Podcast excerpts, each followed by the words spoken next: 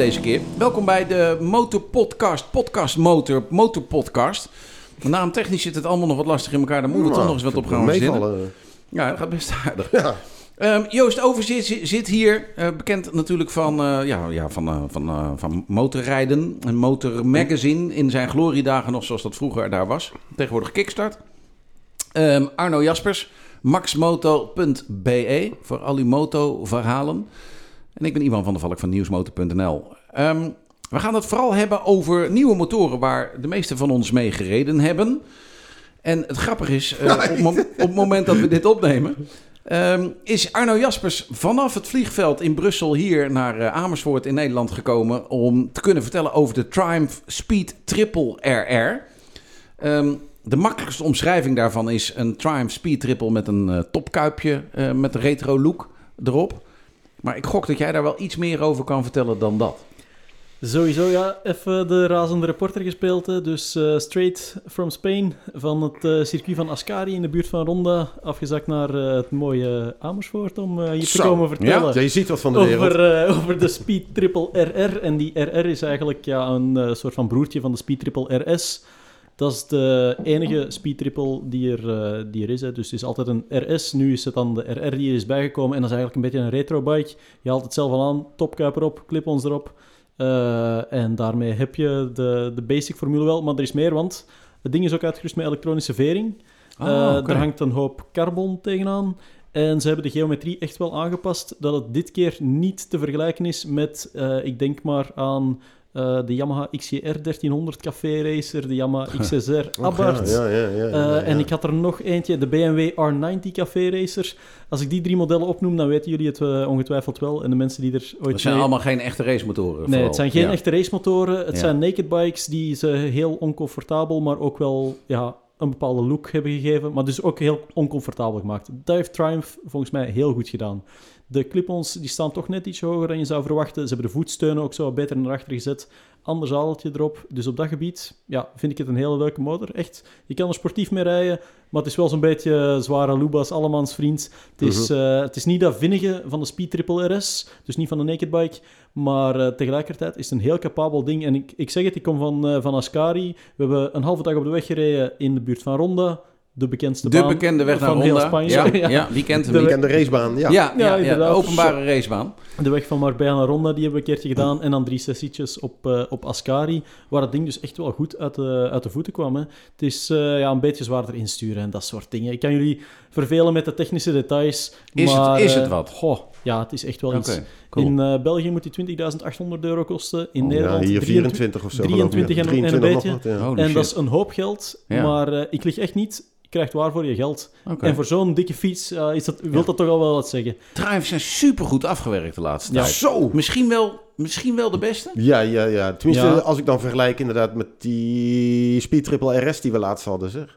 Ja. Ja, Kanonnen, wat zit dat keurig, qua afgewerkt. boutjes en zo. Wordt in Ja, Thailand mooi. gebouwd, dus, dus je zou zeggen nou... eh, Dat kan ik maar- zijn, ja. Dat is echt, ja. super mooi. eh, Ja, misschien wel die- bovenaan. De Union Jack erop, die eh, is inderdaad niet meer helemaal van toepassing. Want Ja. eh, de marketingdienst, et cetera, zit nog wel in Engeland. Maar ze worden in Thailand gebouwd, maar dat zie je er niet aan hoor. En bij die RR, die nieuwe, eh, ja, de afwerking is echt wel tot in de puntjes. Ik zeg het, er zitten carbon, eh, een hele hoop carbononderdelen op, die heel mooi afgewerkt zijn. Maar ook gewoon de paintjob bijvoorbeeld, dat ga jij wel weer lullig vinden. Je moet 250 euro meer betalen voor de rode versie. Echt? Toevallig ook de communicatieversie, de communicatiekleur. Ja. Daar gaat hij Maar, weer. eh, Ja. Maar ja, zaten maar, het is echt heel netjes. Zitten de stickers onder de lak? Ja, hè? Ja, de, ja, de stickers dat is mijn zitten ding onder dan de weer. lak. Dat is jouw ding, hè? En, een, een gereedschapsetje. Geest Dat je zet je even oh, een foto maakt op het zadel. Zo. Ja, met een bierdop openen. Nee, eh, nee, nee, ik vind... ik, nee, maar ik, ik heb het er elke test over. Ik vind een motor van 20.000 euro... en Daar dat je de de sticker er zo met je vinger er en met je zitten, ja. nagel eraf kan peuteren. Hou Ja. eens op, zeg maar. Sterker nog, dit, dit keer krijg je, omdat het dus ja, de café racer is, krijg je een afdekkapje voor het duozadel, maar ook gewoon een duozadeltje erbij. Dus dat is toch echt wel Ja. uitrusting. Nee, Dat ik ben maar aan het lachen. Het is, eh, het is Voor gewoon zo'n... 24.000 euro, hè? Ja, nee, maar het is gewoon zo'n kleine extra die je bij andere merken er niet bij krijgt. Maar- die moet je erbij kopen. Tegelijkertijd, ik heb alleen maar de foto's gezien. Mhm. En het is een van de weinige motoren van de laatste jaren waar- waarbij ik denk... Oké, het is hartstikke veel geld. Maar ik zou hem blind Maar ik wil kopen. Ik zou hem blind kopen. Ja, dat, Gewoon dat- hele simpele vormgeving. Klassieke vormgeving. Simpele lijnen. Gelukkig eindelijk Maar een keer niet die space dingen met al die hoekjes. Maar ik vind dat ding echt gewoon Ja. om te zien. Je zou misschien zelfs al een beetje saai kunnen noemen, maar ik vind Ja, het... saai, saai is het zeker ik niet. vind het mooi, dat ding, Het is man. echt wel speed-triple prestaties. Hè? 1200 cc, Ja, ja, drie ja. cilinder, 180 koppel, pk, overal. Eh, quickshifter erop, eh, heel elektronica pakket, you name it. Dit ding Ik heeft zou het. nog wel wat Dus mondels der cool. liefde Ja, die zou kunnen aanvoeren om dat ding te hebben. Want ik vind het gewoon Ja. echt een heel mooi En ding. eh, het grappige eraan is dat je hem dan ook... Je begint meteen over de vormgeving. Dat is volgens mij ook het belangrijkste Ja. aan die motorfiets. En als je hem dan gaat vergelijken, dan kom je uit eh, sowieso nog bij de MV. Ja. De Super Veloce. Super veloce. Ja, waar, daar hebben we het in de vorige podcast eh, ook al over gehad. Ja, MV, dealernetwerk, ondersteuning, et cetera. Toch een ander verhaal. Het is een 800cc, het is geen 1200. Eh, Het zit wel in die ook- hoeken. Ja, dus dat is al absoluut- een beetje ja. moeilijker. Maar 24 mil vind ik Ja. echt wel... Ik, ik- Nou, dat is veel geld. Speed Triple is, staat, ho- staat in mijn top 5 populairste motoren. Ja, Maar die kost ook Ja. wel 20 mil, denk ik. Een Ja. Speed Triple Ja, ja, ja. RS of zo. Ja. In Nederland dan. Dus Ja. je betaalt een stuk bij, maar Ja. daarvoor komt dan hoofdzakelijk die elektronische vering. En Nou, dat is dan ook wel net, dat is dan net, dat is dan Ja. net een dingetje. Ik Is vind, dat ik vind het niet zo. is het? Nee, het is eh Eulins. Eulins. Smart EC Ja. 2.0. Ik denk, ik denk dat Triumph doet een beetje een MV Agustaatje. Ja, een Ja, soort van. heb je wel een eh, punt. Upgrade. een beetje hoog in de Ja. boom zitten. Ja, ja. Weet je wat ik wel een, Nou, eh, toch wel. een, een- een zou willen aanstippen als discussiepunt? Ehm, het is een beetje zo dat in het verleden naked bikes en street fighters werden gebaseerd op een racemotor waar je de kuip van aftrok. Niet om het een of ander. Mhm. We hebben het nu over een Ja, ja, ja. racemotor die begonnen is als naked bike, waar Goed ze een punt. kuip op gezet hebben. Goed punt. Omgekeerde wereld. Ja, en die formule werkt wel hoor, want het is echt, dit is eh, een motor waarmee dat je toch nog op de openbare weg wilt gaan rijden. Ja. En dat is hetgene wat dat je dan ziet bij die racemotoren. Want dat is eigenlijk een perfect aansluitpunt naar een volgende motorfiets die we alle twee gereden hebben. Kijk, wat een bruggetje. Waar je van een racemotor een naked bike gaat maken of een eh, retro of weet ik veel wat, daar kom je toch altijd terug uit bij het hart van de motorfiets, het motorblok, wat dan Ja. meestal heel hoogtoerig gemaakt is om veel pk's te hebben voor op circuit. En dat is hier net niet. Dat driecilinderblok, koppel over heel de lijn, dat is hetgene wat Ja. deze motorfiets maakt en vooral aangenaam maakt om op de openbare weg Ja. mee te rijden. Waar je niet altijd het, het laatste beetje uit de kan moet gaan halen, maar waar je gewoon ook chill mee kan rijden. En qua voorrijders, want meestal bij Triumph, dit soort introducties, hebben ze een paar eh, Isle of Man eh, coureurs Leuk meegenomen. Ja, echt. Leuk dat je het vraagt, want eh, mijn voorrijder was dit keer niemand minder dan Taylor McKenzie. Oh, echt? Ja, broertje van de kerel Taylor McKenzie die Ja. dit jaar BSB gewonnen heeft. Een leuke vent is dat, die Dus, Taylor. eh, ja, en Taylor Heeft een heel gaaf YouTube-kanaal trouwens. inderdaad, Ja. waar hij met zijn familie zo filmpjes maakt, maar daarnaast Ja. Kan hij ook gewoon steenhard rijden. En ja, dat hebben we dit Hij is keer... net gestopt, hè? Ja, hij, is- hij gaat volgend jaar dus eh, inderdaad een Moto3-team eh, gaat hij managen. Maar gewoon wel weer een beetje de ambassadeur voor het eh, verantwoord motorrijden. Ja. Ja, uitgehangen daar kan je ja, ja, ja, ja. Exact Triumph is dat. altijd. Ja, Ja, goed ja, zo. ja. ja, meestal... eh, Billy ja. McDonald was er ook nog bij. En voor de mensen die het aan het luisteren zijn op de computer, Google vooral Alan Batson, B-A-T-S-O-N. Ook een keertje, want die kerel die is echt helemaal gestoord. Eh, dat is ook een oud BSB-rijder. Heeft eh, de road races een beetje meegedaan en nooit wat gewonnen of zo. Maar ja, ik heb er één keer achter gereden en my god, dat is... Ja, Ja. Kamikaze niet- missie van begin tot einde. Maar ik wil een bruggetje maken. Ja, Ja. ja, ja, ja. We zijn nu bezig over een eh ja, racemotor, mogen we toch wel zeggen, gebaseerd op een naked bike. Ja, Nu een naked bike gebaseerd op een racemotor, dan weet jij waar het over gaat, want je hebt er ook mee gereden. ja, ja, wij zijn eh, in... ehm goh, waar was dat ook alweer? Eh, Spanje. Oh, dat is Monte Blanco. heel erg blasé dit, In Monte hè. Blanco. Het is heel, ja, Het is heel dit blasé. Ja, God, waar Eh, zat ik vorige week ja, ook? ja, ja, ja. ik zal je zeggen hoe dat komt. We hebben er toen in, een, eh, in eh, twee weken hebben we er vier gedaan. Dus, ja, ja, eh, ja. Nou, Ehm, maar je hebt helemaal gelijk. We zaten op Monte Blanco met de Street Fighter V2. Ja. Ehm, nou, denk je van, joh, het is allemaal V4 momenteel wat de klok slaat bij Ducati. Maar eh, wat ik, het, wat ik het allerleukste gevonden heb in de afgelopen jaren op het circuit... is de Panigale V2 van de afgelopen tijd, een keertje Mhm. op GRS. Absoluut. En daar hebben ze dus gewoon, zoals dat vroeger ook hoorde, de kuip afgetrokken. Tada, en we hebben een Street Fighter. Ehm, wat, daar, wat ik daar tegen vond, maar dat was in de aanloop... Mhm. dat de eerste Street Fighter ben ik nooit fan van geweest. Nee. Daar was ook niemand fan van, want die verkochte amper. 1098. ja. 1098 en eh, later een 848. De injectie was KUT. Ja. Eh, wat ik zelf het meest storende vond, was niet eens zozeer de injectie, maar het hoogtoerige karakter, zeg maar. Dus ik dacht, bij die V2 wordt dat gewoon helemaal, eh, helemaal niks. Ehm, nou moet ik wel zeggen, dat is nog steeds een beetje. Want die V2 hebben we heel hard door het landschap meegejaagd in Spanje. Nou, dan kan dat prima. Daarna Mhm. hebben we er op het circuit meegereden. Word maar je alleen maar beter van. Dan wordt hij alleen maar beter. Dan ga je ermee met die naked bike op het circuit rijden. Ook dat is weer een omdraaien van dingen waar ik altijd een beetje moeite heb om mijn hersens omheen te krijgen. Van, weet je wat, we pakken een racemotor en dan trekken we de kuip eraf. En dan Gaan we gaan we, racen. ermee- en dan gaan we ermee racen. Gaan we racen.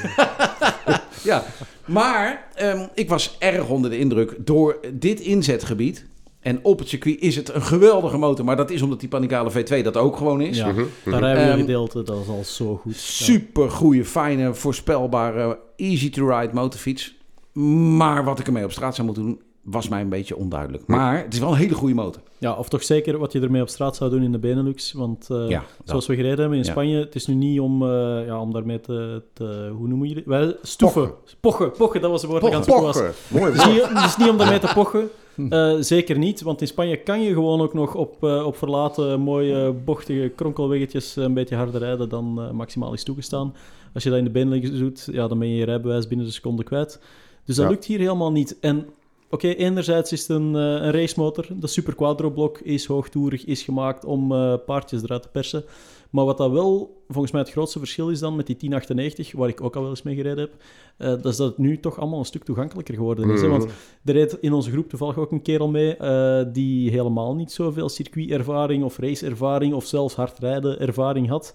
En die kon ook best overweg met dat ding, want ja, pikt op van laag in de toeren en dan gaat is allemaal zijn gangetje. En Ja, dat hoefde je Het- met het is jou niet meer- te proberen. Nee, nee. inderdaad. zit de quickshift erop, eh, die koppeling die voelt ook gewoon licht aan. De remmen vond ik ook nog een belangrijk puntje aan deze, want ja, het zijn ook gewoon Brembo eh, M432, dus het zijn superbike remmen die erop zitten. Hebben ze dan andere remblokjes gestoken om het allemaal Ja, iets uh, het zachter iets te maken. te maken, ja. ja. inderdaad. Ja. Maar ehm, om maar te zeggen, je hebt heel performante motoren die vandaag de dag ook niet enkel en alleen maar performant zijn, maar waar je gewoon ook heel veel gebruiksvriendelijkheid aan hebt. Mhm. Dat vind ik wel eens goed gedaan Ja. bij Ja. hoor. Nee, dat hebben ze zeker goed gedaan. Alleen ik zat er gewoon wel mee. Ik vind het een hele fijne motor. Maar eigenlijk vind ik hem net zo fijn als toen de Kuip erop zat. Alleen bij de Kuip kreeg ik geen last van mijn nek en bij deze wel. Ehm, maar op straat ermee in de Benelux rijden, eh, ondoenlijk. Bij jou in de buurt in de omgeving, eh, eh, Almere, kan je heel hard rechtdoor met dat ding. Ja. En Ja. dan, eh, nou... eh, Ja, leuk. Ja, Ja. leuk. Ja, leuk. leuk, En that's ja. it. En dan, dan moet je hem toch wel een beetje opendraaien om er wat meer plezier van te hebben. Ehm, dus, dus ik, ja, supergoeie motor. Maar waarvoor ga je hem gebruiken? Maar waarvoor gaan we hem gebruiken, Ja. zeg maar. Ja, ja. En ook concurrentie.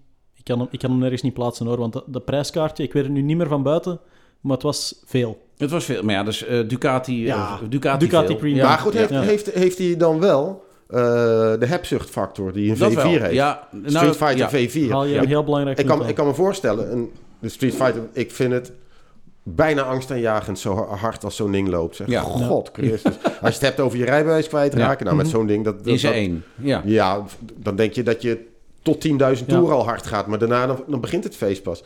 Maar dan kan ik me nog voorstellen dat de echte diehard... die wil dat ding hebben gewoon omdat hij het kan. Gewoon, weet je, Ja. omdat hij zo belachelijk... Maar zou die, heeft die V2 dat dan ook? Nou, dat, dat deel niet. Maar qua uiterlijk en Ja, qua dat is hem. afwerking is die echt porno. Gewoon, hij ziet er Is Is het fantastisch op hetzelfde uit. niveau als de V4 Ja. gewoon? Hij- ja. Met dat verschil, er zitten geen winglets op standaard. ja. Eh, en dat vind ik Gelukkig. er eigenlijk veel, veel mooier Ja, uitzien ja, natuurlijk. Veel ranker, slanker.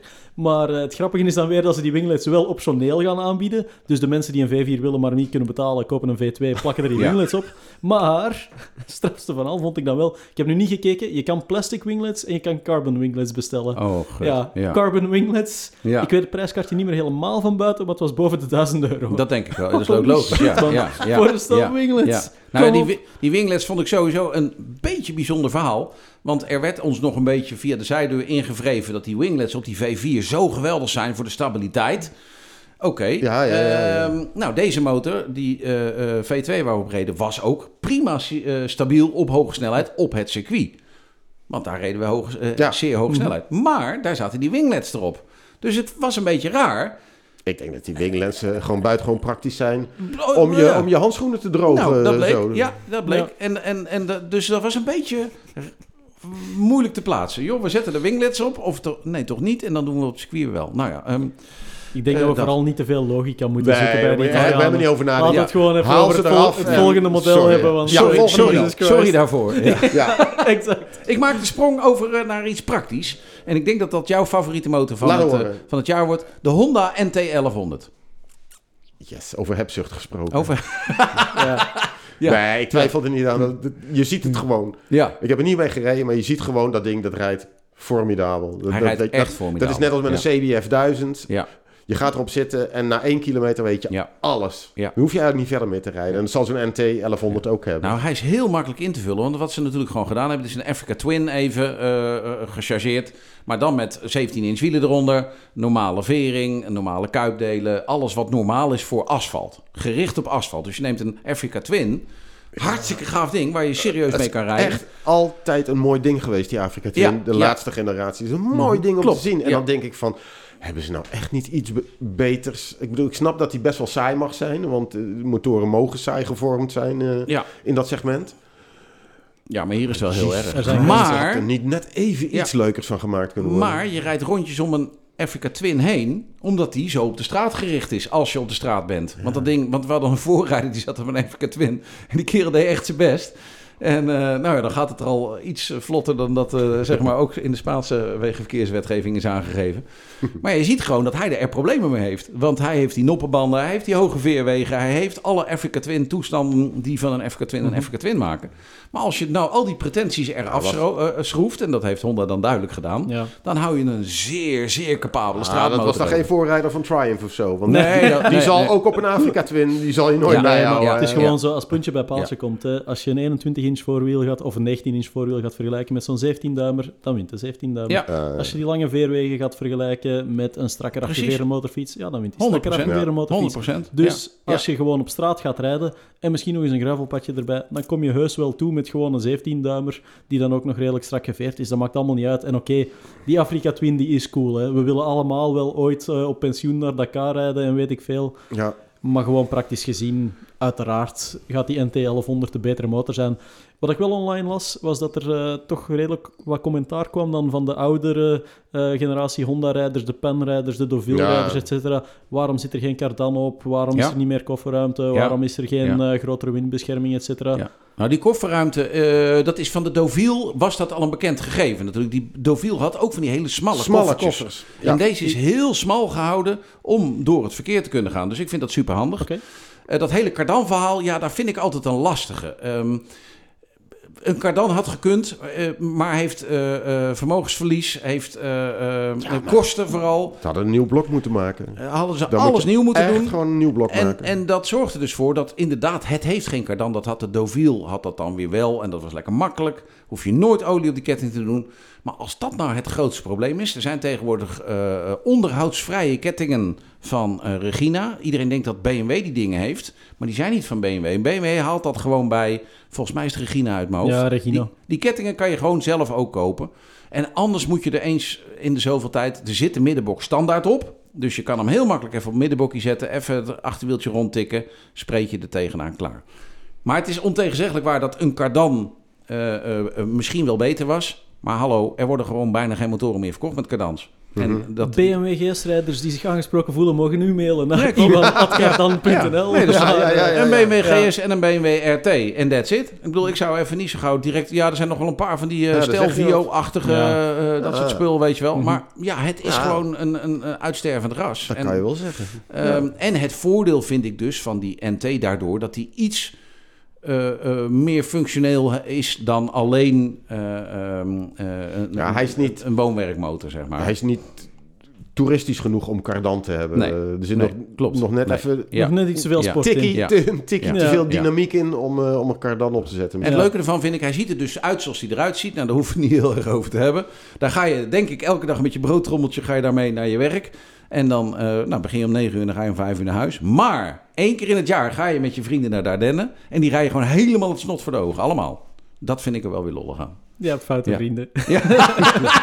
nee, geloof Ik, mij. ik vind het trouwens Geloof heel... mij, jij ook. Op dat ding, op dat ding rij je iedereen zoek. Ik, ik, ik zweer het Ik je. vind het trouwens heel sterk dat we het over de Deauville gehad hebben zonder het over stokbroden te spreken. Maar eh, kijk, Ja, dat is dat allemaal zo. eh, eh, de, de stokbrodenman zit hier, zeg maar. Oh, ja. maar Ja, ja. Nee, het zijn, het zijn geen doorsteekkoffers toch niet op, eh, op dit ding, hè? Nee, nee, oké. nee, nee, nee. Ehm, wat, misschien nog heel eventjes over Ja, de ja. NT 1100. Jullie hebben wel weer met de DCT-versie gereden, hè? Ja, dat was kut. Sorry.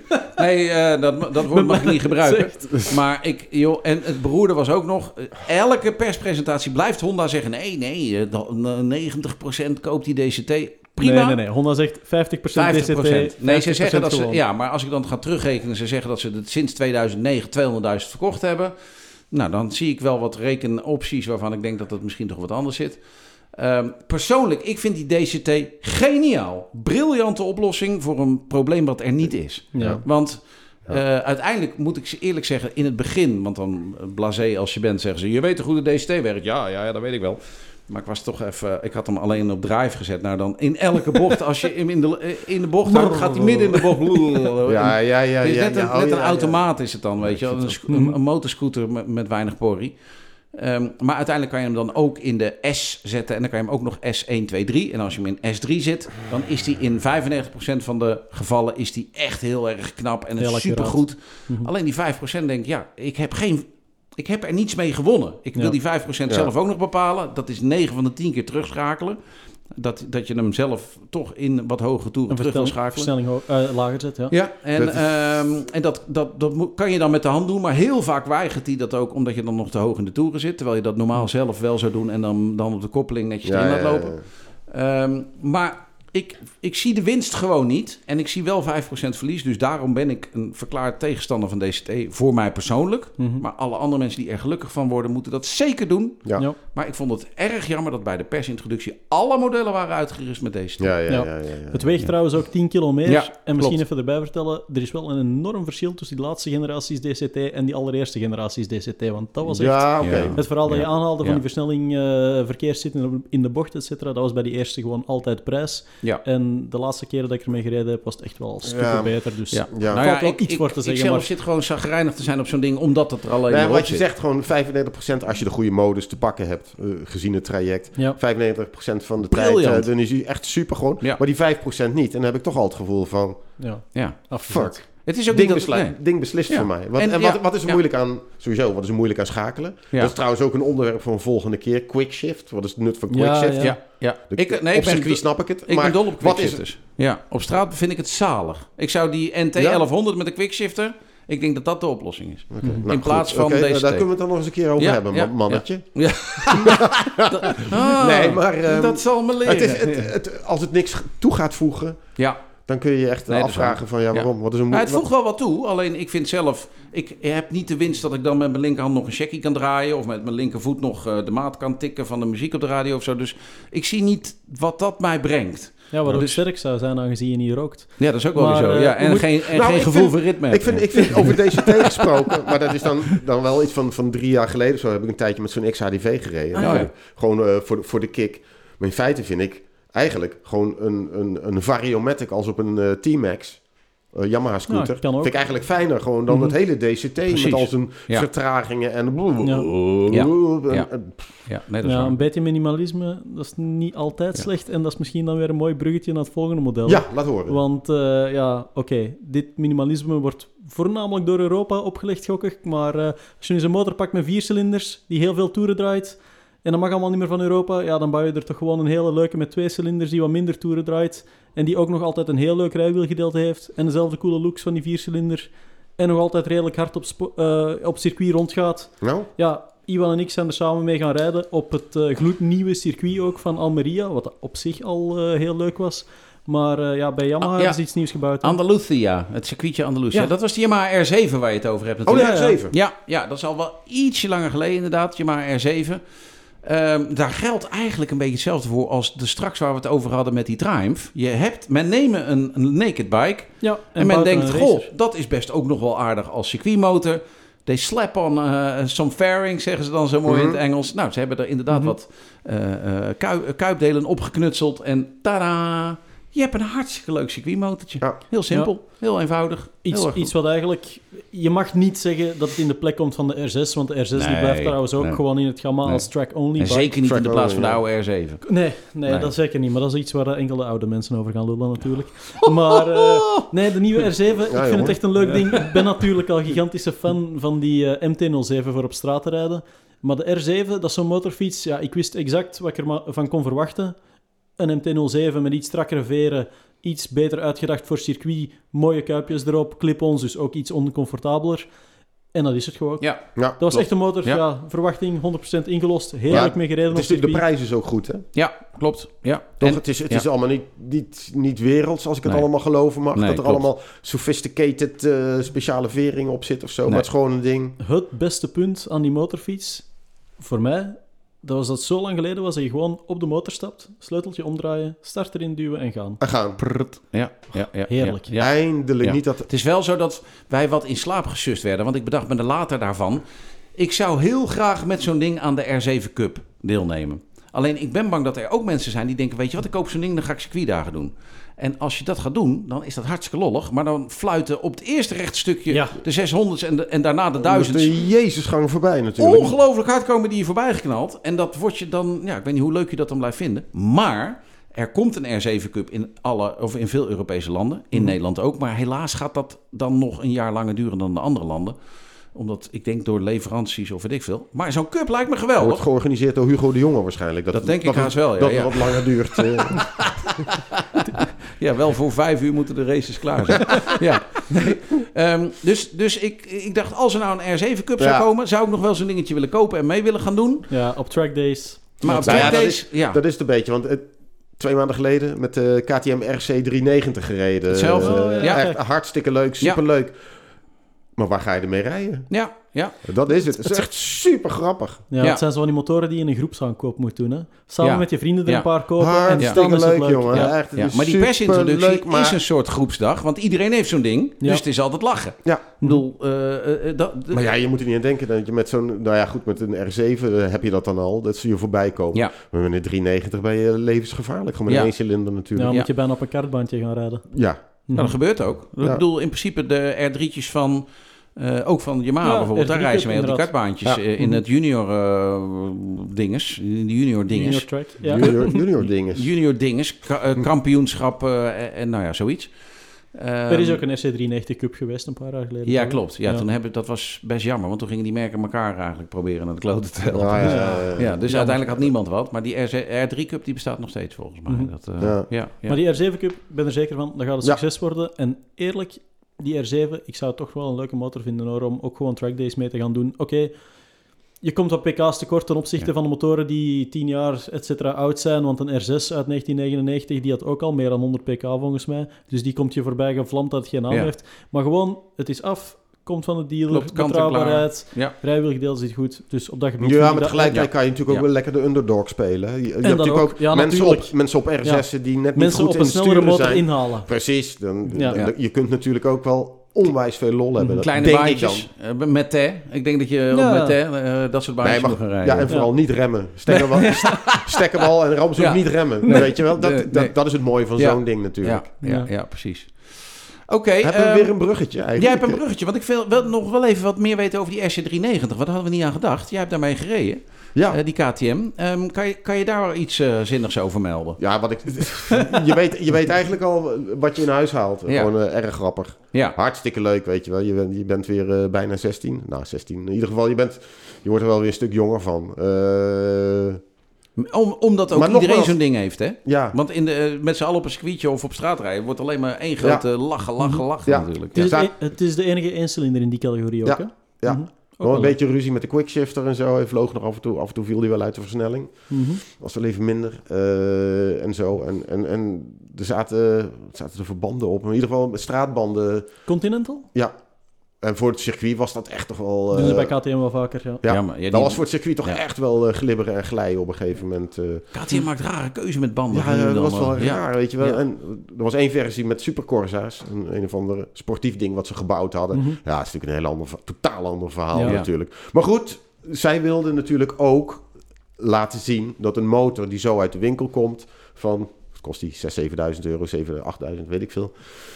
Dat je daar ook met Continental straatbanden, dat je daarmee overweg kon. Nou, dat is gelukt. Ja. Dat, inderdaad, Ja, je moet niet te, te veel eisend zijn, want dan, Nee, nee ik vind eh, dan gaat het ja. wel erg is glijden. wel allemaal. zonde, vind ik dan. Want dat, ik ben vaker bij KTM-introductie geweest. Die proberen ook de grote bandenmerken een beetje het vuur aan de schenen te leggen op die manier. Mhm. Door met bandenkeuze te komen dat je denkt, eh, wat gaan we nou doen? Evons of eh, weet je wel, dat soort dingen. Ja, ja, ja. En nu dus met Conti's... eh, eh, oh, Ja, het was een hele bewuste keuze van hun.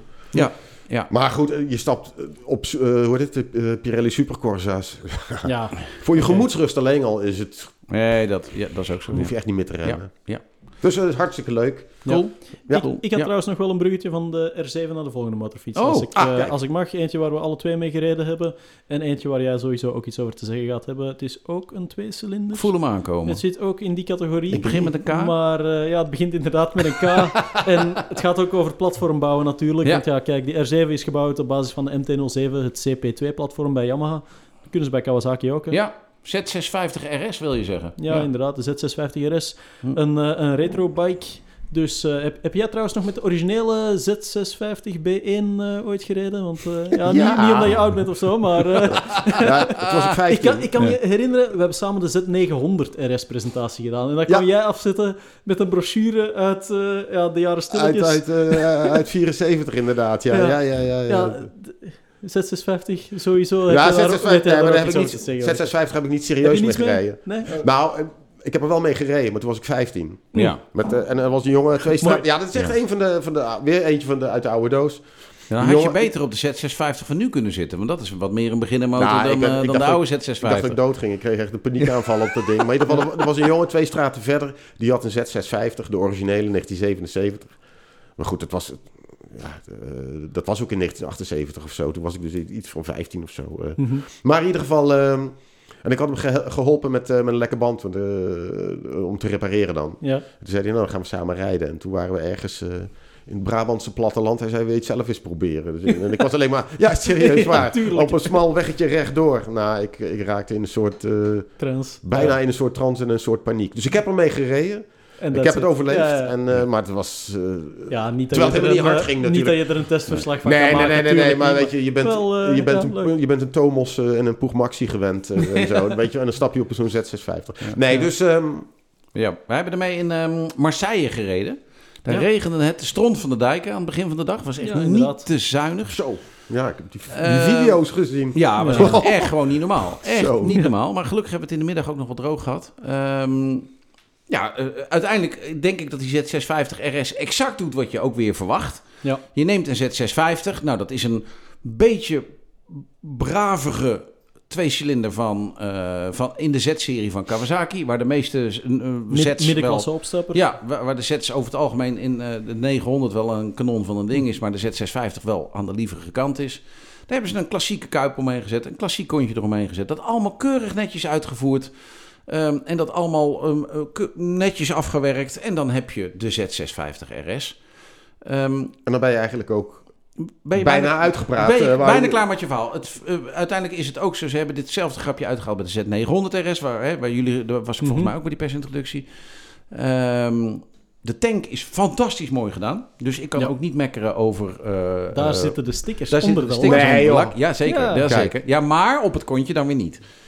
Dat Oh ja. vind ik, ja, dat vind ik Ja, weer, dat eh, slecht. eh, gemiste kans. Ja, terug naar de tekentafel. Weg ermee. Nee, ja. precies. Nee. Eh, afgezien daarvan, de Z650 is een geweldige motorfiets. Een prima opstapding. Mhm. Dus deze Z650 RS is dat ook. Kan niet mislukken. Er is niet enorm veel kick of weet ik veel wat aan te behalen. Je kan er leuk mee rondrijden. Eh, hij rijdt, doet niets verkeerd. En hij ziet er ook nog leuk uit als je van retro tegelijk, tegelijkertijd is natuurlijk een, een, een Yamaha MT-07... Die maakt er wel redelijk gehakt van. Ook qua, Ja, dat kara- wel. ook qua Ja. karakter, Ja. toch, denk ik. Ja. eh, als Ja, je het over prestaties Ja, hebt. klopt. Daar heb je een punt. Ja, ja. En ja, ik rij zelf met een MT-07, dus die verkies ik ook boven de Z650. Maar als je dan gaat kijken naar die XSR 700 en je zet dat naast een Z650, dan kies ik de Z650. Daar ben en ik dat is niet Ja. omwille van de motorprestaties, Ja. maar dat is gewoon omwille van het feit dat die Z650, die belichaamt echt meer die spirit of the 70s, coole motoren, mooie rondingen. Dat design Ja. zit echt goed. En Ja, er ja, zit ja, ook ja, ja. een LED-koplamp op en ook LED-pinkertjes Ja, ja, en ja. een digitaal dashboard en alle, Ja. alle moderne shizzle die je Dat wilt. heeft die, die Yamaha Maar heeft die het allemaal niet. Die Nee, je- Kawa-designers hebben Ja. echt een goede job Als je die, geleverd. Kawa- als je die En die die XSR zet- is de leukere motor om te rijden, maar design-wise... mm, Nee, maar als je, als je die van, van de bovenkant bekijkt, als je hem in tweeën deelt, de onderkant eraf hakt, Ja, zeg maar. ja. Je ziet alleen de bovenkant, dan heb je nog moeite gewoon om hem te onderscheiden van die uit 1977. Ja, klopt. En die XSR vind Ja, ik ook een beetje matig. doen ze heel goed, inderdaad. Dat doen ze Ja. gewoon echt, echt Ja. super nauw Ja. gezet, hebben ze dat. Ja. eh, en hij klopt gewoon. Hij is helemaal compleet. Die XSR blijft hangen in LCD-schermpjes. En in ook wel een beetje wat Yamaha in met die hele retro-serie van ze heeft. Net wel, net niet. We, ja, eh, en nu... Ehm, en, Het is en- dat ze zo goed rijden allemaal. Hè? Ja, dat is klopt. dat ze allemaal daarom zo daarom zou, rijden. zou je eerder, en daar heb jij 100% de punten, Joost. Je zou voor eh, de beleving eerder in de MT-07 afgeleiden komen.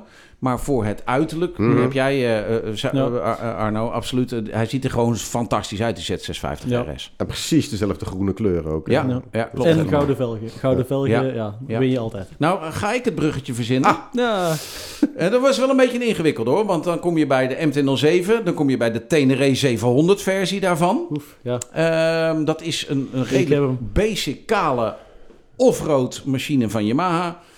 Eh, dan kom ik eentje doorschakelen. Aprilia wil daar wat aan gaan doen. Oh ja. En die hebben daarom de Touareg 660 in het leven gebracht.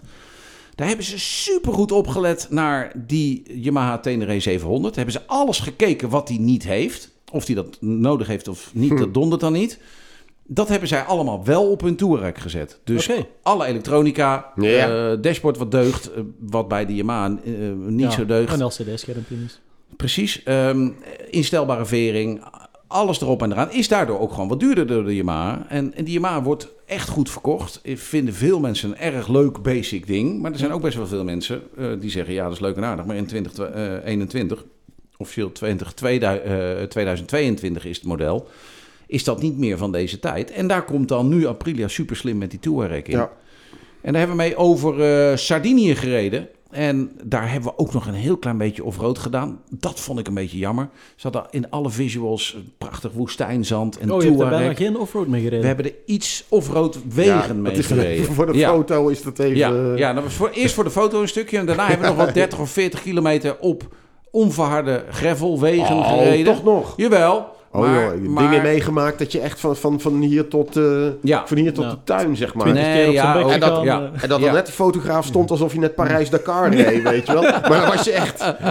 Ja, dat dacht ik ook dat dat hem zou worden. Want Ja. de fotosessie begon zo op die manier. Ja, dan maken we here we make the turn. Nou, ja, ja, ja, ja, echt- ja, oh ja, man, ja. oh man, oh man. Maar gelukkig hebben we daarna nog best wel veel van die, van die gravelwegen. Dat is ook best wel een beetje vergelijkbaar met de Nederlandse toestand. Ja, Alleen aan de andere kant denk ik, een KTM had dit anders aangepakt. Dan hadden die motoren gewoon wel in Marokko gestaan. En dan uh, had Ja, je ja. daar wel door het duinzand gereden, wa- wat op al je visuals Jawel, klopt. maar, maar erger dan gravel eh off-road gaan mensen Nee, toch dit is niet. in, in Nederland is dit een hele goeie. En ik, Ja. nou, ik vond dat echt eh, indrukwekkend goede de motorfiets ook. De laatste tijd heb ik weinig van Aprilia gezien waar ik heel warm van werd. Ehm, eh, ik, vind, ik vind die, die V4's van ze vind ik, vind ik gave dingen, maar het lijkt alsof ze er niks mee willen doen. Maar die RS'en toch wel? Ik ben hier eh, die volledig Tuono? oneens Ja, mee. Ja, Volledig ja. oneens. Ja, ik vind het een leuk ding, maar ze, en ze doen er ook geen reet mee met die, met die Aprilia's. Ik Hmm. bedoel, eh, ja, niemand koopt ze. Eh, en nu komen ze met een model waarvan ik zeg, dit is een goed model. Dit, hier ga je er veel van verkopen als je je best gaat doen. En dat, dat hoop ik dat ze dat gaan doen. Ehm, en het is gewoon echt een hele slimme, goede motor. En vooral als je zegt, joh, ik vind die Tenere 700 iets te Spartaans. Daarom, ja. Want die is ook echt wel heel erg dat je er ook daadwerkelijk mee of er ook moet gaan rijden. Want ja, Ja. Anders, eh, anders mis je allerlei dingen die je, die je anders eh, zou kunnen hebben. En dat heeft de Aprilia Tuono ehm eh, Touareg. eh, Touareg Touareg, ja. 660. Ook daar weer platformbouw, want die eh Tuono 660 is en die RS 660. Mhm. Ehm, en de, de Touareg, super slim ding. Dat, dat, eh, ik was erg onder de indruk. Ik denk zelf dat als ik zo'n dingetje voor in Nederland zou willen hebben... dat de kans toch groot is dat ondanks al je goede bedoelingen... dat je er niet superveel off-road mee gaat. Want in Nederland kan dat eigenlijk nergens. Ja, Ja, op de TED, maar België ook al aan, aan het file rijden. Ehm, dus dan denk ik dat je met zo'n Touareg net een tikkie beter af bent. Oké. Dat, eh, Ja, het is wel grappig ook weer. Je maakte dan net dat bruggetje tussen die Yamaha's. Daar hebben ze inderdaad dat platform. De RS660 die kan je nu tegenover de R7 zetten. De Ja. MT-07 die Ja. kan je dan weer tegenover de Tuono 660 Klopt. zetten. Ja, Ja, ja. en nu heeft de Tenere dus ook een tegenhanger in, de, in de vorm van die Touareg. Triumph gaat er ook in meedoen, want Ja. Triumph heeft die Ja. 660. Ik ga binnenkort met die eh, Tiger 660 dan rijden. Nou, zien we elkaar daar. Oké, heel leuk. Ja. En, ehm, eh, en dus dat hele segment, en daar had ik het er straks al even over, of in de vorige keer, dat weet ik niet meer zeker, dat we dat dat middensegment steeds sterker wordt. Ja, Steeds leukere, betere ja. motoren in die alles kunnen. Ja. Mhm. Ja, die kunnen misschien wel eens die 1250's en die 1290's eh, eh, Ja. misschien de markt uit gaan Ik wil draaien. toch nog even terugkomen op Aprilia, want je zegt inderdaad van er zijn geen motoren waar ik warm van word. Ben ik het mee oneens? Ik vind de RSV4 vind ik uit, out of the box de beste superbike die je kan kopen. De Tuono uit de doos, de grote Tuono weliswaar, de 1100, vind ik eigenlijk de beste super naked die er momenteel op de markt is. En dan heb je nog dat RS660 en gewoon het 660-verhaal, zal ik maar zeggen. Ja, wat toch ook zeker niet te negeren is, hè, die RS660, echt wel een goed ding. Ja. Dus Aprilia heeft zoveel goede motoren, maar het is gewoon zo jammer dat, dat ze er is- niet in slagen om Ja. die dingen aan de man te brengen. Ja. Ja. De, ja, ik weet in België, oké, de dealerondersteuning, de dealers die er zijn, heel gemotiveerde jongens die echt wel weten waarmee ze bezig zijn, maar ik heb het gevoel dat de ondersteuning vanuit Italië er niet altijd is. Het en lijkt dat wel vind ik zo ze- ontzettend jammer. Eh, ik krijg vaak het idee dat het ze eigenlijk niet zo interesseert in Italië. Ik heb dat ook inderdaad vaker Ja. gehoord. Dan Weet je, er wordt in... Er wordt, er wordt veel over geklaagd natuurlijk, Ja. weet je wel. En dan Mhm. als eerste wordt er natuurlijk naar de importeur eh, gewezen. Natuurlijk, nou, daar zal Ja. ook wel een deel eh, bij zitten. Maar ik Ja, maar dat is ook een weet ook wel, ik Met- weet ook wel dat het vanuit Italië ook Ja. eh, Ja. vrij hopeloos eh, aan toe gaat. Ze- Ze hebben een beetje wat Triumph vroeger had. Er er werd een motor de garage uitgerold. Eh, Here's the bike. Ja, dat is stond de motor. En dan eh, gingen ze daarna weer naar binnen gingen ze een nieuwe motor bouwen. Ja. Hey, ja, ja. daar hebben ze helemaal gelijk in. Maar er, eh, geen hond Nee, maar dit is hem en eh, zie maar wat je ermee doet. Ja, dat is ja, het. ja. Terwijl het hele natraject, ja, daar gaat Ja. het zo vaak spaak. Ja. En tegelijkertijd toch miljoenen in de MotoGP blijven pompen. Maar Ja, Ja, Dat is een an- dat is een ja, ander ja, verhaal. Ja, ja, ja, ja. zullen we Ik heb mijn, eh, bekijken? Mijn volgende sprong ehm, gaan we naar China. En ehm, dat is een hele interessante uit China. We hebben het vaker over China gehad natuurlijk. De CF Moto CLX 700 Heritage. Kijk, Mondvol, daar zijn de, Japan of de Chinezen nog steeds niet zo geweldig in. In het verzinnen van een wat sexy naamgeving. Maar dit is een motor die er eigenlijk van een afstand een beetje uitziet qua vorm op, zeg, een Ducati Diavel. Dat een beetje dat puntige, dat, dat, dat naked bike met wat hadden meer ze, al niet, spieren. hadden ze al niet zo'n ding? Ja, ze hebben heel veel van die dingen. Dat is ook belastig. Ze hebben nu weer een, nieuwe recent aangekondigd. Die heet dan weer C... Nou ja, CL CFMOTO. Ja. CLX 700 Sport. En daar hebben ze volgens mij alleen andere eh, stuurdingetjes op gezet. Zo. Ja, van die clip-on-achtige... eh, ja, dat is echt... Dat is niet waar. De Sport Oh. die heeft een kleiner wiel. Die heeft de 17 Oh. duim ervoor aan. En de Kijk. Heritage die is toch meer een beetje... Want Diavel, ik, ik snap wat je wilt zeggen. De vormtaal Ja. klopt zeker met, eh, met de Diavel. Maar eigenlijk is het gewoon ja, ook een middenklasse naked bike. Toch? Nee, klopt. Helemaal. en helemaal. eh, ja, die ja. heeft dus wel een Ja. 18-inch voorwiel. Waarmee die ook zo... Ik zag er eigenlijk een beetje meer Ducati Scrambler ook wel in, eh, op een of andere manier. Ja, Ja, ja, het klinkt allemaal Ja. interessant. Ja, nou, Ja. de grap is dus, het, interessant, het wordt nog interessanter. Ehm, want dit was de eerste Chi- Chinese motor waar ik op eh, zat, op gereden heb. En waarbij ik eigenlijk op één dingetje na geen grote gebreken heb kunnen ontdekken. Hmm. En dat, eh, dat was zo bijzonder, want hij zag er qua afwerking fantastisch Mhm. uit. We hebben het straks over Triumphs gehad, die die prachtige tank hebben met de, met, met de, de, de type aanduidingen bijna in het plastic meegebakken. Nou, dat Ja. heeft die CL700 heeft dat dan ook. Ehm, en dus hij reed gewoon als een MT-07 bijna qua blok. Het enige is dat dat wat raar verdeeld is. Dat er bovenin een raar van piekje zit. Dat heel hoog in zijn toeren zit er een soort extraatje verstopt. En dat is zo agressief dat je denkt, Ja. "Huh? Oh. dan moet ik nog gaan oppassen ook. Dus je hebt, grappig. hij geeft, ja, de- aan de ene kant is het heel grappig. Alleen ze zouden dat misschien beter ergens anders in, het- in de toeren kunnen doen. Een beetje VTech. En eh, iets, nou, VTech... waar maar je ook niks ja. aan had, maar Ja. het is wel grappig. Nee, precies. Nou, woord dat, dat, dat is het. Ja, En dat ging zo nu dan nog best wel agressiever. Dat je dacht, nou, dat, komt op Ja. het moment dat ik misschien dat liever eh, ergens anders zou willen hebben, zeg maar. Nou, zo. Dus dat was het enige echte grote, echte grote minpunt. Maar voor de rest, ja, Maar ik heb me is, ver- ik- verbaasd over de afwerking vooral. Ja, Maar dan, dan, dan nu, van, hoe ziet het er volgend jaar uit? ja dat weet Of ik over niet. twee jaar. Nee, dat weet, Dat, is- dat ja, weet je ja, niet ja, natuurlijk. ja, maar ja, ja. ik heb inderdaad wel ervaring met dingen die je dan denkt van... Nou, uit de showroom ziet Ja. het er leuk uit. En eigenlijk na een paar maanden zie je het al achteruit gaan. Ja. Nou, ik verwacht Ja, dat bij deze een niet. vraag. En er komt dan ook nog bij dat die Chinese merken steeds meer componenten beginnen te gebruiken van eh, de grote merken.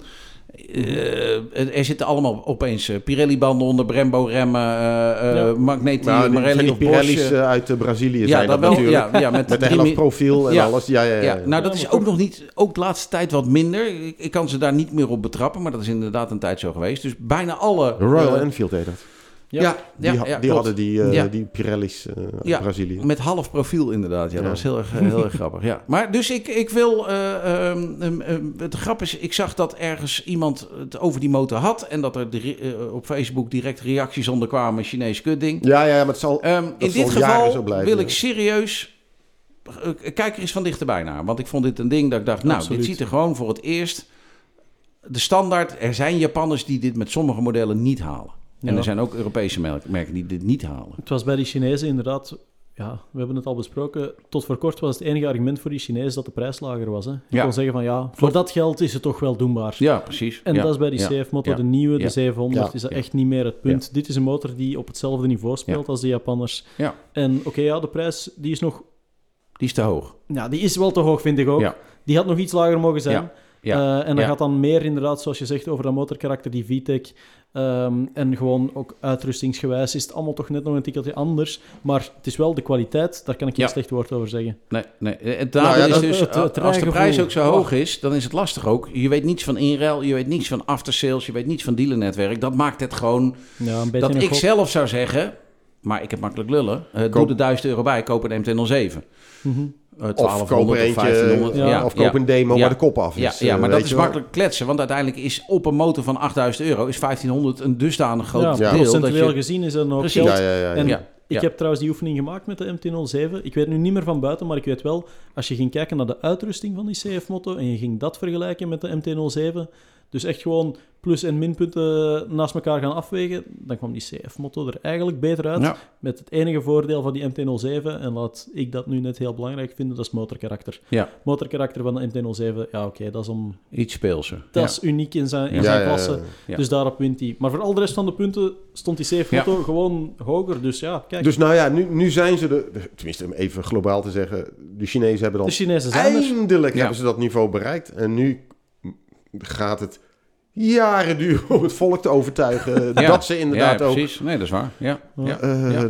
die stap aandurven. ja. nee, en dat is, dat en is nogmaals, het punt. van, van Ja. wat is nou net even dat onderscheidende wa- waardoor ze... Ja, ja. eh, Waardoor je een extra verkoopargument hebt, weet je. Ja. De prijs is het dus net niet meer. Nee, nou, dat is het lastige. En, ik, en waar, Waar- dat er precies in zit, snap ik niet helemaal. Want dan denk ik, ja, als je die dingen in China, in China kan laten bouwen... eh, dan, dan zou het dan goedkoper moeten zijn. Maar ja, aan de andere kant is het ook wel zo... dat nogal wat Japanse merken tegenwoordig hun motoren die ook gewoon in China laten bouwen. Oosten gebouwd natuurlijk. Grotendeels, of alle onderdelen komen gewoon uit China. Ja, ja, ja. Dus- ja, ja. En dat, eh, ja. Dan heb ik er nog eentje uit eh, hetzelfde land. En dat is, ehm, nou, we, komen al, eh, we hebben nog heel even, dus dan kunnen we het nog hebben over de Moto Morini Escape 650. Kijk, En Moto Morini, je weet wel, het legendarische Italiaanse merk, Ja, ja. eh, dat is niet meer. Dat is net zo bij Benelli. dat is gewoon eh, naar de kloten gegaan, eh, is failliet gegaan. En dat is nu eh, in handen van Chinezen. Nou, wat dan de truc is, die kennen we ook van al die anderen. Dat je dan zegt, eh, design en alles, eh, ontwikkeling en blablabla. Bla, bla, Dat is allemaal nog in Italië. ja, dat is Ja. allemaal in Pesaro of Ja, in dit, ja, ja, in dit geval. Bologna. Ja, ja. in die postbus. Ja, En, die post, eh, ja, Ja. Op de Zuid, Amsterdamse Zuidas. Precies, van ja, die, ja, die ja, brievenbus. Ja, die. Trust, eh, ja, die trustkantoren. Ehm. Maar in feite komt het gewoon uit China. Ja. Nou, die eerste eh, onder dat nieuwe bewind was de, ehm de Escape 650. By far de meest chaotische persconferentie of press launch waar ik in de afgelopen tien jaar geweest ben. Eh, waarbij, eh, nou, dat, Dus dat was geen- ook wel Italiaans. dat was eh, typisch Italiaans, dus dat klopte nog helemaal. Die beleving was er nog. Ehm, overigens zo. wordt dat tegenwoordig eh, geïmporteerd bij Sima, komt het vandaan, die je ook kan Ja. kennen van Mesh. Mesh. Eh, daar ook Chinese motoren. Ehm, en ja, dat, dat was gewoon... eh, nou, dat, daar geen ongelukken gebeurd zijn, was gewoon... maar wel dat is- ontiegelijk gelachen. Heel erg gere- leuk gereden. Ehm, die X-Cape 650 is een motorblok van de Kawasaki 650, zoals we dat kennen, zeg maar. Dan wel een oudere eh, eh, generatie, daar hebben ze gewoon een licentie op. Dus Twee Een, cilinder. een ERS-blok. ja, eh, ja ESS-blok. ESS, Ja. En ehm, ook alle componenten zijn weer van de grote namen. Dus daar past ook... eh, dat ding rijdt hartstikke leuk. eh, Ja. Hartstikke tof dingetje. Waar zit het addertje? Het addertje zit erin dat wij ehm, ja, eh, ja. op pre-productiemodellen modellen reden. Ah, dat argument. En dat was... eh, nee, dit was in dit geval ook echt heel duidelijk. Want de elektronica was er nog Ja, niet. ja, ja, het ABS ja. deed het niet. Het dashboard deed het nog niet. Vroeger was het altijd Ja. zo, dan was de bedrading, zag je nog. Ja, maar ja, nu is het ja. elektronica, was ja, er nog niet. Ja, en dat, nou, dat bleek ook echt wel te kloppen. Eh, je zag dus dat die... de- maar- de- dus het broeder was, dat moest je wegdenken. Je moest en- het dashboard wegdenken. Het West, de, en de ABS moest je wegdenken. En dan moest je dus de basis van de motor als geheel beoordelen. Een erg hartstikke goed Nou, all-road fietsje. Prima. is, is eigenlijk eh, even, even de mantel der liefde. Heeft het ook iets te maken met het chiptekort en dergelijke? Mondiale Eh, dat, chiptekort? Dat zeggen ze wel. Ja. En dat zou kunnen. Ik, ik zelf vond het ingewikkeld. Ik heb ook uiteindelijk eh, op testmotor eh, de test nog niet gezet. Omdat ik er nog mee wil rijden. Zoals die in de in de, staat. in de consumententrim straks Ja. is. Mhm. En ik vind dat ook, ja, het is een beetje gevaarlijk wat ze doen natuurlijk. Want Chinese merken hebben toch al een beetje een reputatie natuurlijk. Ehm, en als dan de elektronica nog niet is wat het zou moeten zijn. Beetje, Ja, nou ja, da- da- er waren vier fietsen en die hadden het allemaal. Eh, Het dashboard eh, was een soort kerstboom die allerlei lampjes gaf en weet ik veel wat. Maar de, het enige dus wat ik erover kan zeggen is dat de basis van die Motomorini Escape Die- een zeer goede motorfiets is. Rijdt heel goed, eh, kan mee met, met de 650's die er al zijn van een V-Strom of van een Versys of dat soort zaken. Alleen ja, het beroerd is, een eindoordeel kan ik nog niet geven, want als die elektronica eh, niet goed wordt, dan, dan wil je zo'n ding never nooit hebben. Als het wel goed wordt, dan zou ik het risico wel durven lopen. Mhm. Hè? Dan, Ja. dan, dan denk ik, nou, het is, het is een... als, Ik vind het wel een eh, gaaf ding om te zien. Oh, nou, er er zijn veel Absoluut, mensen die dat hadden. absoluut. Ik zelf heb dat veel minder. Ik vond het zelf op een MZ1000 SF rijden lijken. Wat? Ehm, ja. Ni- Nico van der Kuinder heeft die ooit geïnterview- eh, ge- geïmporteerd in Nederland. MZ1000 SF. Zo'n vierkante neus zo met... met, met My god. Ja, Over welk jaar spreken we dan, Iwan? Dat is 1841 is Nee, dat. is nog ja, niet- ja. dat Ja, is toen wij België aan het innemen waren. Waar niet eens reden zo we ook heel die lang motoren. geleden. Nee, God nee, nee. Jezus. Christus. ja. Ehm, Ja. Maar, Maar dus, dus- dus dat, dat kan ik zeggen over de Motomorini Escape 650. Wacht nog even, want ik, het verbaasde mij dat er nogal wat media wel zijn verhaal gebracht heeft... waarin dat ja, eh, de- uit, uit het werd. verhaal getrokken wordt. Ook wel Mhm. besproken wordt, maar dan lijkt het wel alsof dat dan een beetje de mantel de liefde is. Terwijl ik denk, ja, je, je kan pas wat zeggen als je... eh, Maar tegelijkertijd bij de Chinezen, ik weet bij Benelli hebben we al gezien, om nog maar eens terug te komen op die eh, legendarische Ja. perspresentatie waar alles in het honderd liep. Echt de gevaarlijkste dingen. Ja, Eh, voorremmen die plotseling niet meer dat- ja, onder de remolie toen, weet je. Er was Ja. ook iemand die had een maar remolie. mijn eh, ketting in liep eraf, draaien. blokkeerde mijn achterwiel. Ja, in ieder geval. Oeh. Er liep een heleboel fout. Ja, En de motoren die dan bij de dealer toekwamen, die waren wel in orde. ja, Ja. ja. daar klopt. hebben ze Ja. dat soort problemen, die aard, Ja. zware problemen, hebben ze daar niet meer voor gehad. Om maar te zeggen dat de Chinezen bij Benelli echt wel luisteren naar wat er in Pesaro En het bij de Italianen allergrappigste was nog, van alles wat er verkeerd was gegaan, dat iedereen met zo'n grijns gewoon uiteindelijk bij het hotel aankwam. Ja. Ja. En niet eens uit Ja. leedvermaak, Ja. maar iedereen had het naar zijn zin gehad. Ja, maar dat had ik op Sardinië met die, ook. met die Leoncino, die ja. vond ik ook toen die 500 Ja. Ja. echt een superleuk ding. Ja, Mhm. ja helemaal Om te waar. rijden. Ja, klopt. Het was echt, eh, echt een charmant, En dan leuk je- motortje. Dan denk ja. je, ja, waar ben ik nou mee bezig? Dat ik eh, de, flikkert Ja. van alles vanaf. Ja, En dan ga ik er toch ja. goed praten. Maar iedereen had het naar zijn zin gehad. die dingen. Op datzelfde evenementje rekent, laat ik hem heel kort even doen dan. De Mesh eh, eh, Classic. Ja, dat is heel ingewikkeld, want het is een 600 eh, en hij heet 650. Of het is een 600. Nee, het is een 600, en het is een, maar het is een 650. Dat is ook weer Chinese humor. Ehm, nou, dat is gewoon wat je ervan kan verwachten. Het Een is klassieker. Een klassieker. Eh, ja, ja. een beetje klassiek eh, modelletje ook. eh, hè, zoals vroeger zeg maar de, de CB4's van, eh, van Honda waren. Gewoon, eh, De SR500, eh, zeg maar. Zoiets. En Ja. eh, nou, eh, niks mis mee, maar ook niet eh, enorm eh, opwindende motor of weet ik veel wat. Dat gewoon... Nou, het verhaal is al klaar, hoor ik. Oké. Nee, hij staat, die, die, die, die heb ik ook. Ja, nee. maar je- Ja. ja, het is- Ja, dat is gewoon... Ja, eh, eh, is, het is wat het is ook. het is. Bij die is het echt wat het is. En eh, Ja. kwalitatief vind ik het jammer, want Mesh is nu al een jaar of twaalf op de markt. Mhm. En, ehm, Doen het in eh, België overigens heel goed. Hè. Die doet het hartstikke 125 cc's, die doen Ja, het heel erg Ja, goed. en Ja. dat zijn ook veel van dit soort retro-achtige modellen. Ja, inderdaad. en wat ik nou zo jammer vind, persoonlijk jammer, is dat die mesh van 12 jaar geleden dezelfde is als de mesh van nu. Hè, Hmm. Dus het is nog steeds een, een klassieke motor met een beetje nou, dingen die je dan maar eens onder karakter moeten. Het, het werkt allemaal goed, het remt goed, het, maar het gaat niet vooruit. Er zit nul vooruitgang in. Dat ik vind hoor, ik jammer. ik hoor elk jaar, eh, hoor ik eh, zo, of tenminste om de twee jaar, en, eh, elk jaar om de twee jaar, van nou, we staan nu op het punt om de grote stap voorwaarts te Ja. maken. ja, En maar dat er gebeurt En dat dus. hoor ja. ik al die Ja. twaalf jaar ook. Ja, klopt. En dat vind ik jammer, want het zijn Want leuke. Het zijn nu leuke gaan we ja. kwalitatief, Ja. het is altijd over kwaliteit, Ja, nu klopt. gaan we een hele grote stap zetten. Ja. Ja. en dat heb ik niet, gebeurt niet. Dat gebeurt niet. En dus koop je nog steeds een motor die nou, geen, geen 100 jaar meegaat, maar die ook niet heel erg veel geld kost. Die weinig problemen Kijk, ik eh, heb- ik zal, heb zal geven. Mijn maar, TW 125 van Ja, Yamaha uit daar gaat hij 1999. Ja, maar serieus, die kan ik ook buiten laten staan. ja, ja. En de tellers Ja. zijn nog steeds keurig droog en alles. ja, dat En- zal, bij, en, bij eh, deze durf ik dat niet te zeggen, maar dan zou, die zou ik minder kans geven dat dat ook zo is. ja. En het is gewoon de mesh van eh, ja, van 12 jaar geleden. Gewoon een klassiek ogende motor in de. CB eh, eh, Ja. eh, eh, eh, eh, SR-achtige eh, Hartstikke, uitvoering. Ja. hartstikke leuk. Maar, Hartstikke maar- leuk. En als je erop gaat rijden, maar Ja. en als je koopt, dan een beetje, nou, dan kan je, kan je een beetje verwachten wat je koopt. Een beetje liefde moet hij wel hebben. ja, Weet je wel. Ja. zet hem binnen. eh, Ja, ja, ja, ja, dat, ja. dat, dat, dat, nou. dat was het evenement in, ehm, eh, eh, met- eh, de Mesh en de Motomarine tegelijkertijd, zeg maar. Dan heb ik mijn lijstje klaar. Goed. Ja, Ja, ik dacht net te zeggen, ik denk dat we daarmee de belangrijkste motorfietsen gehad hebben.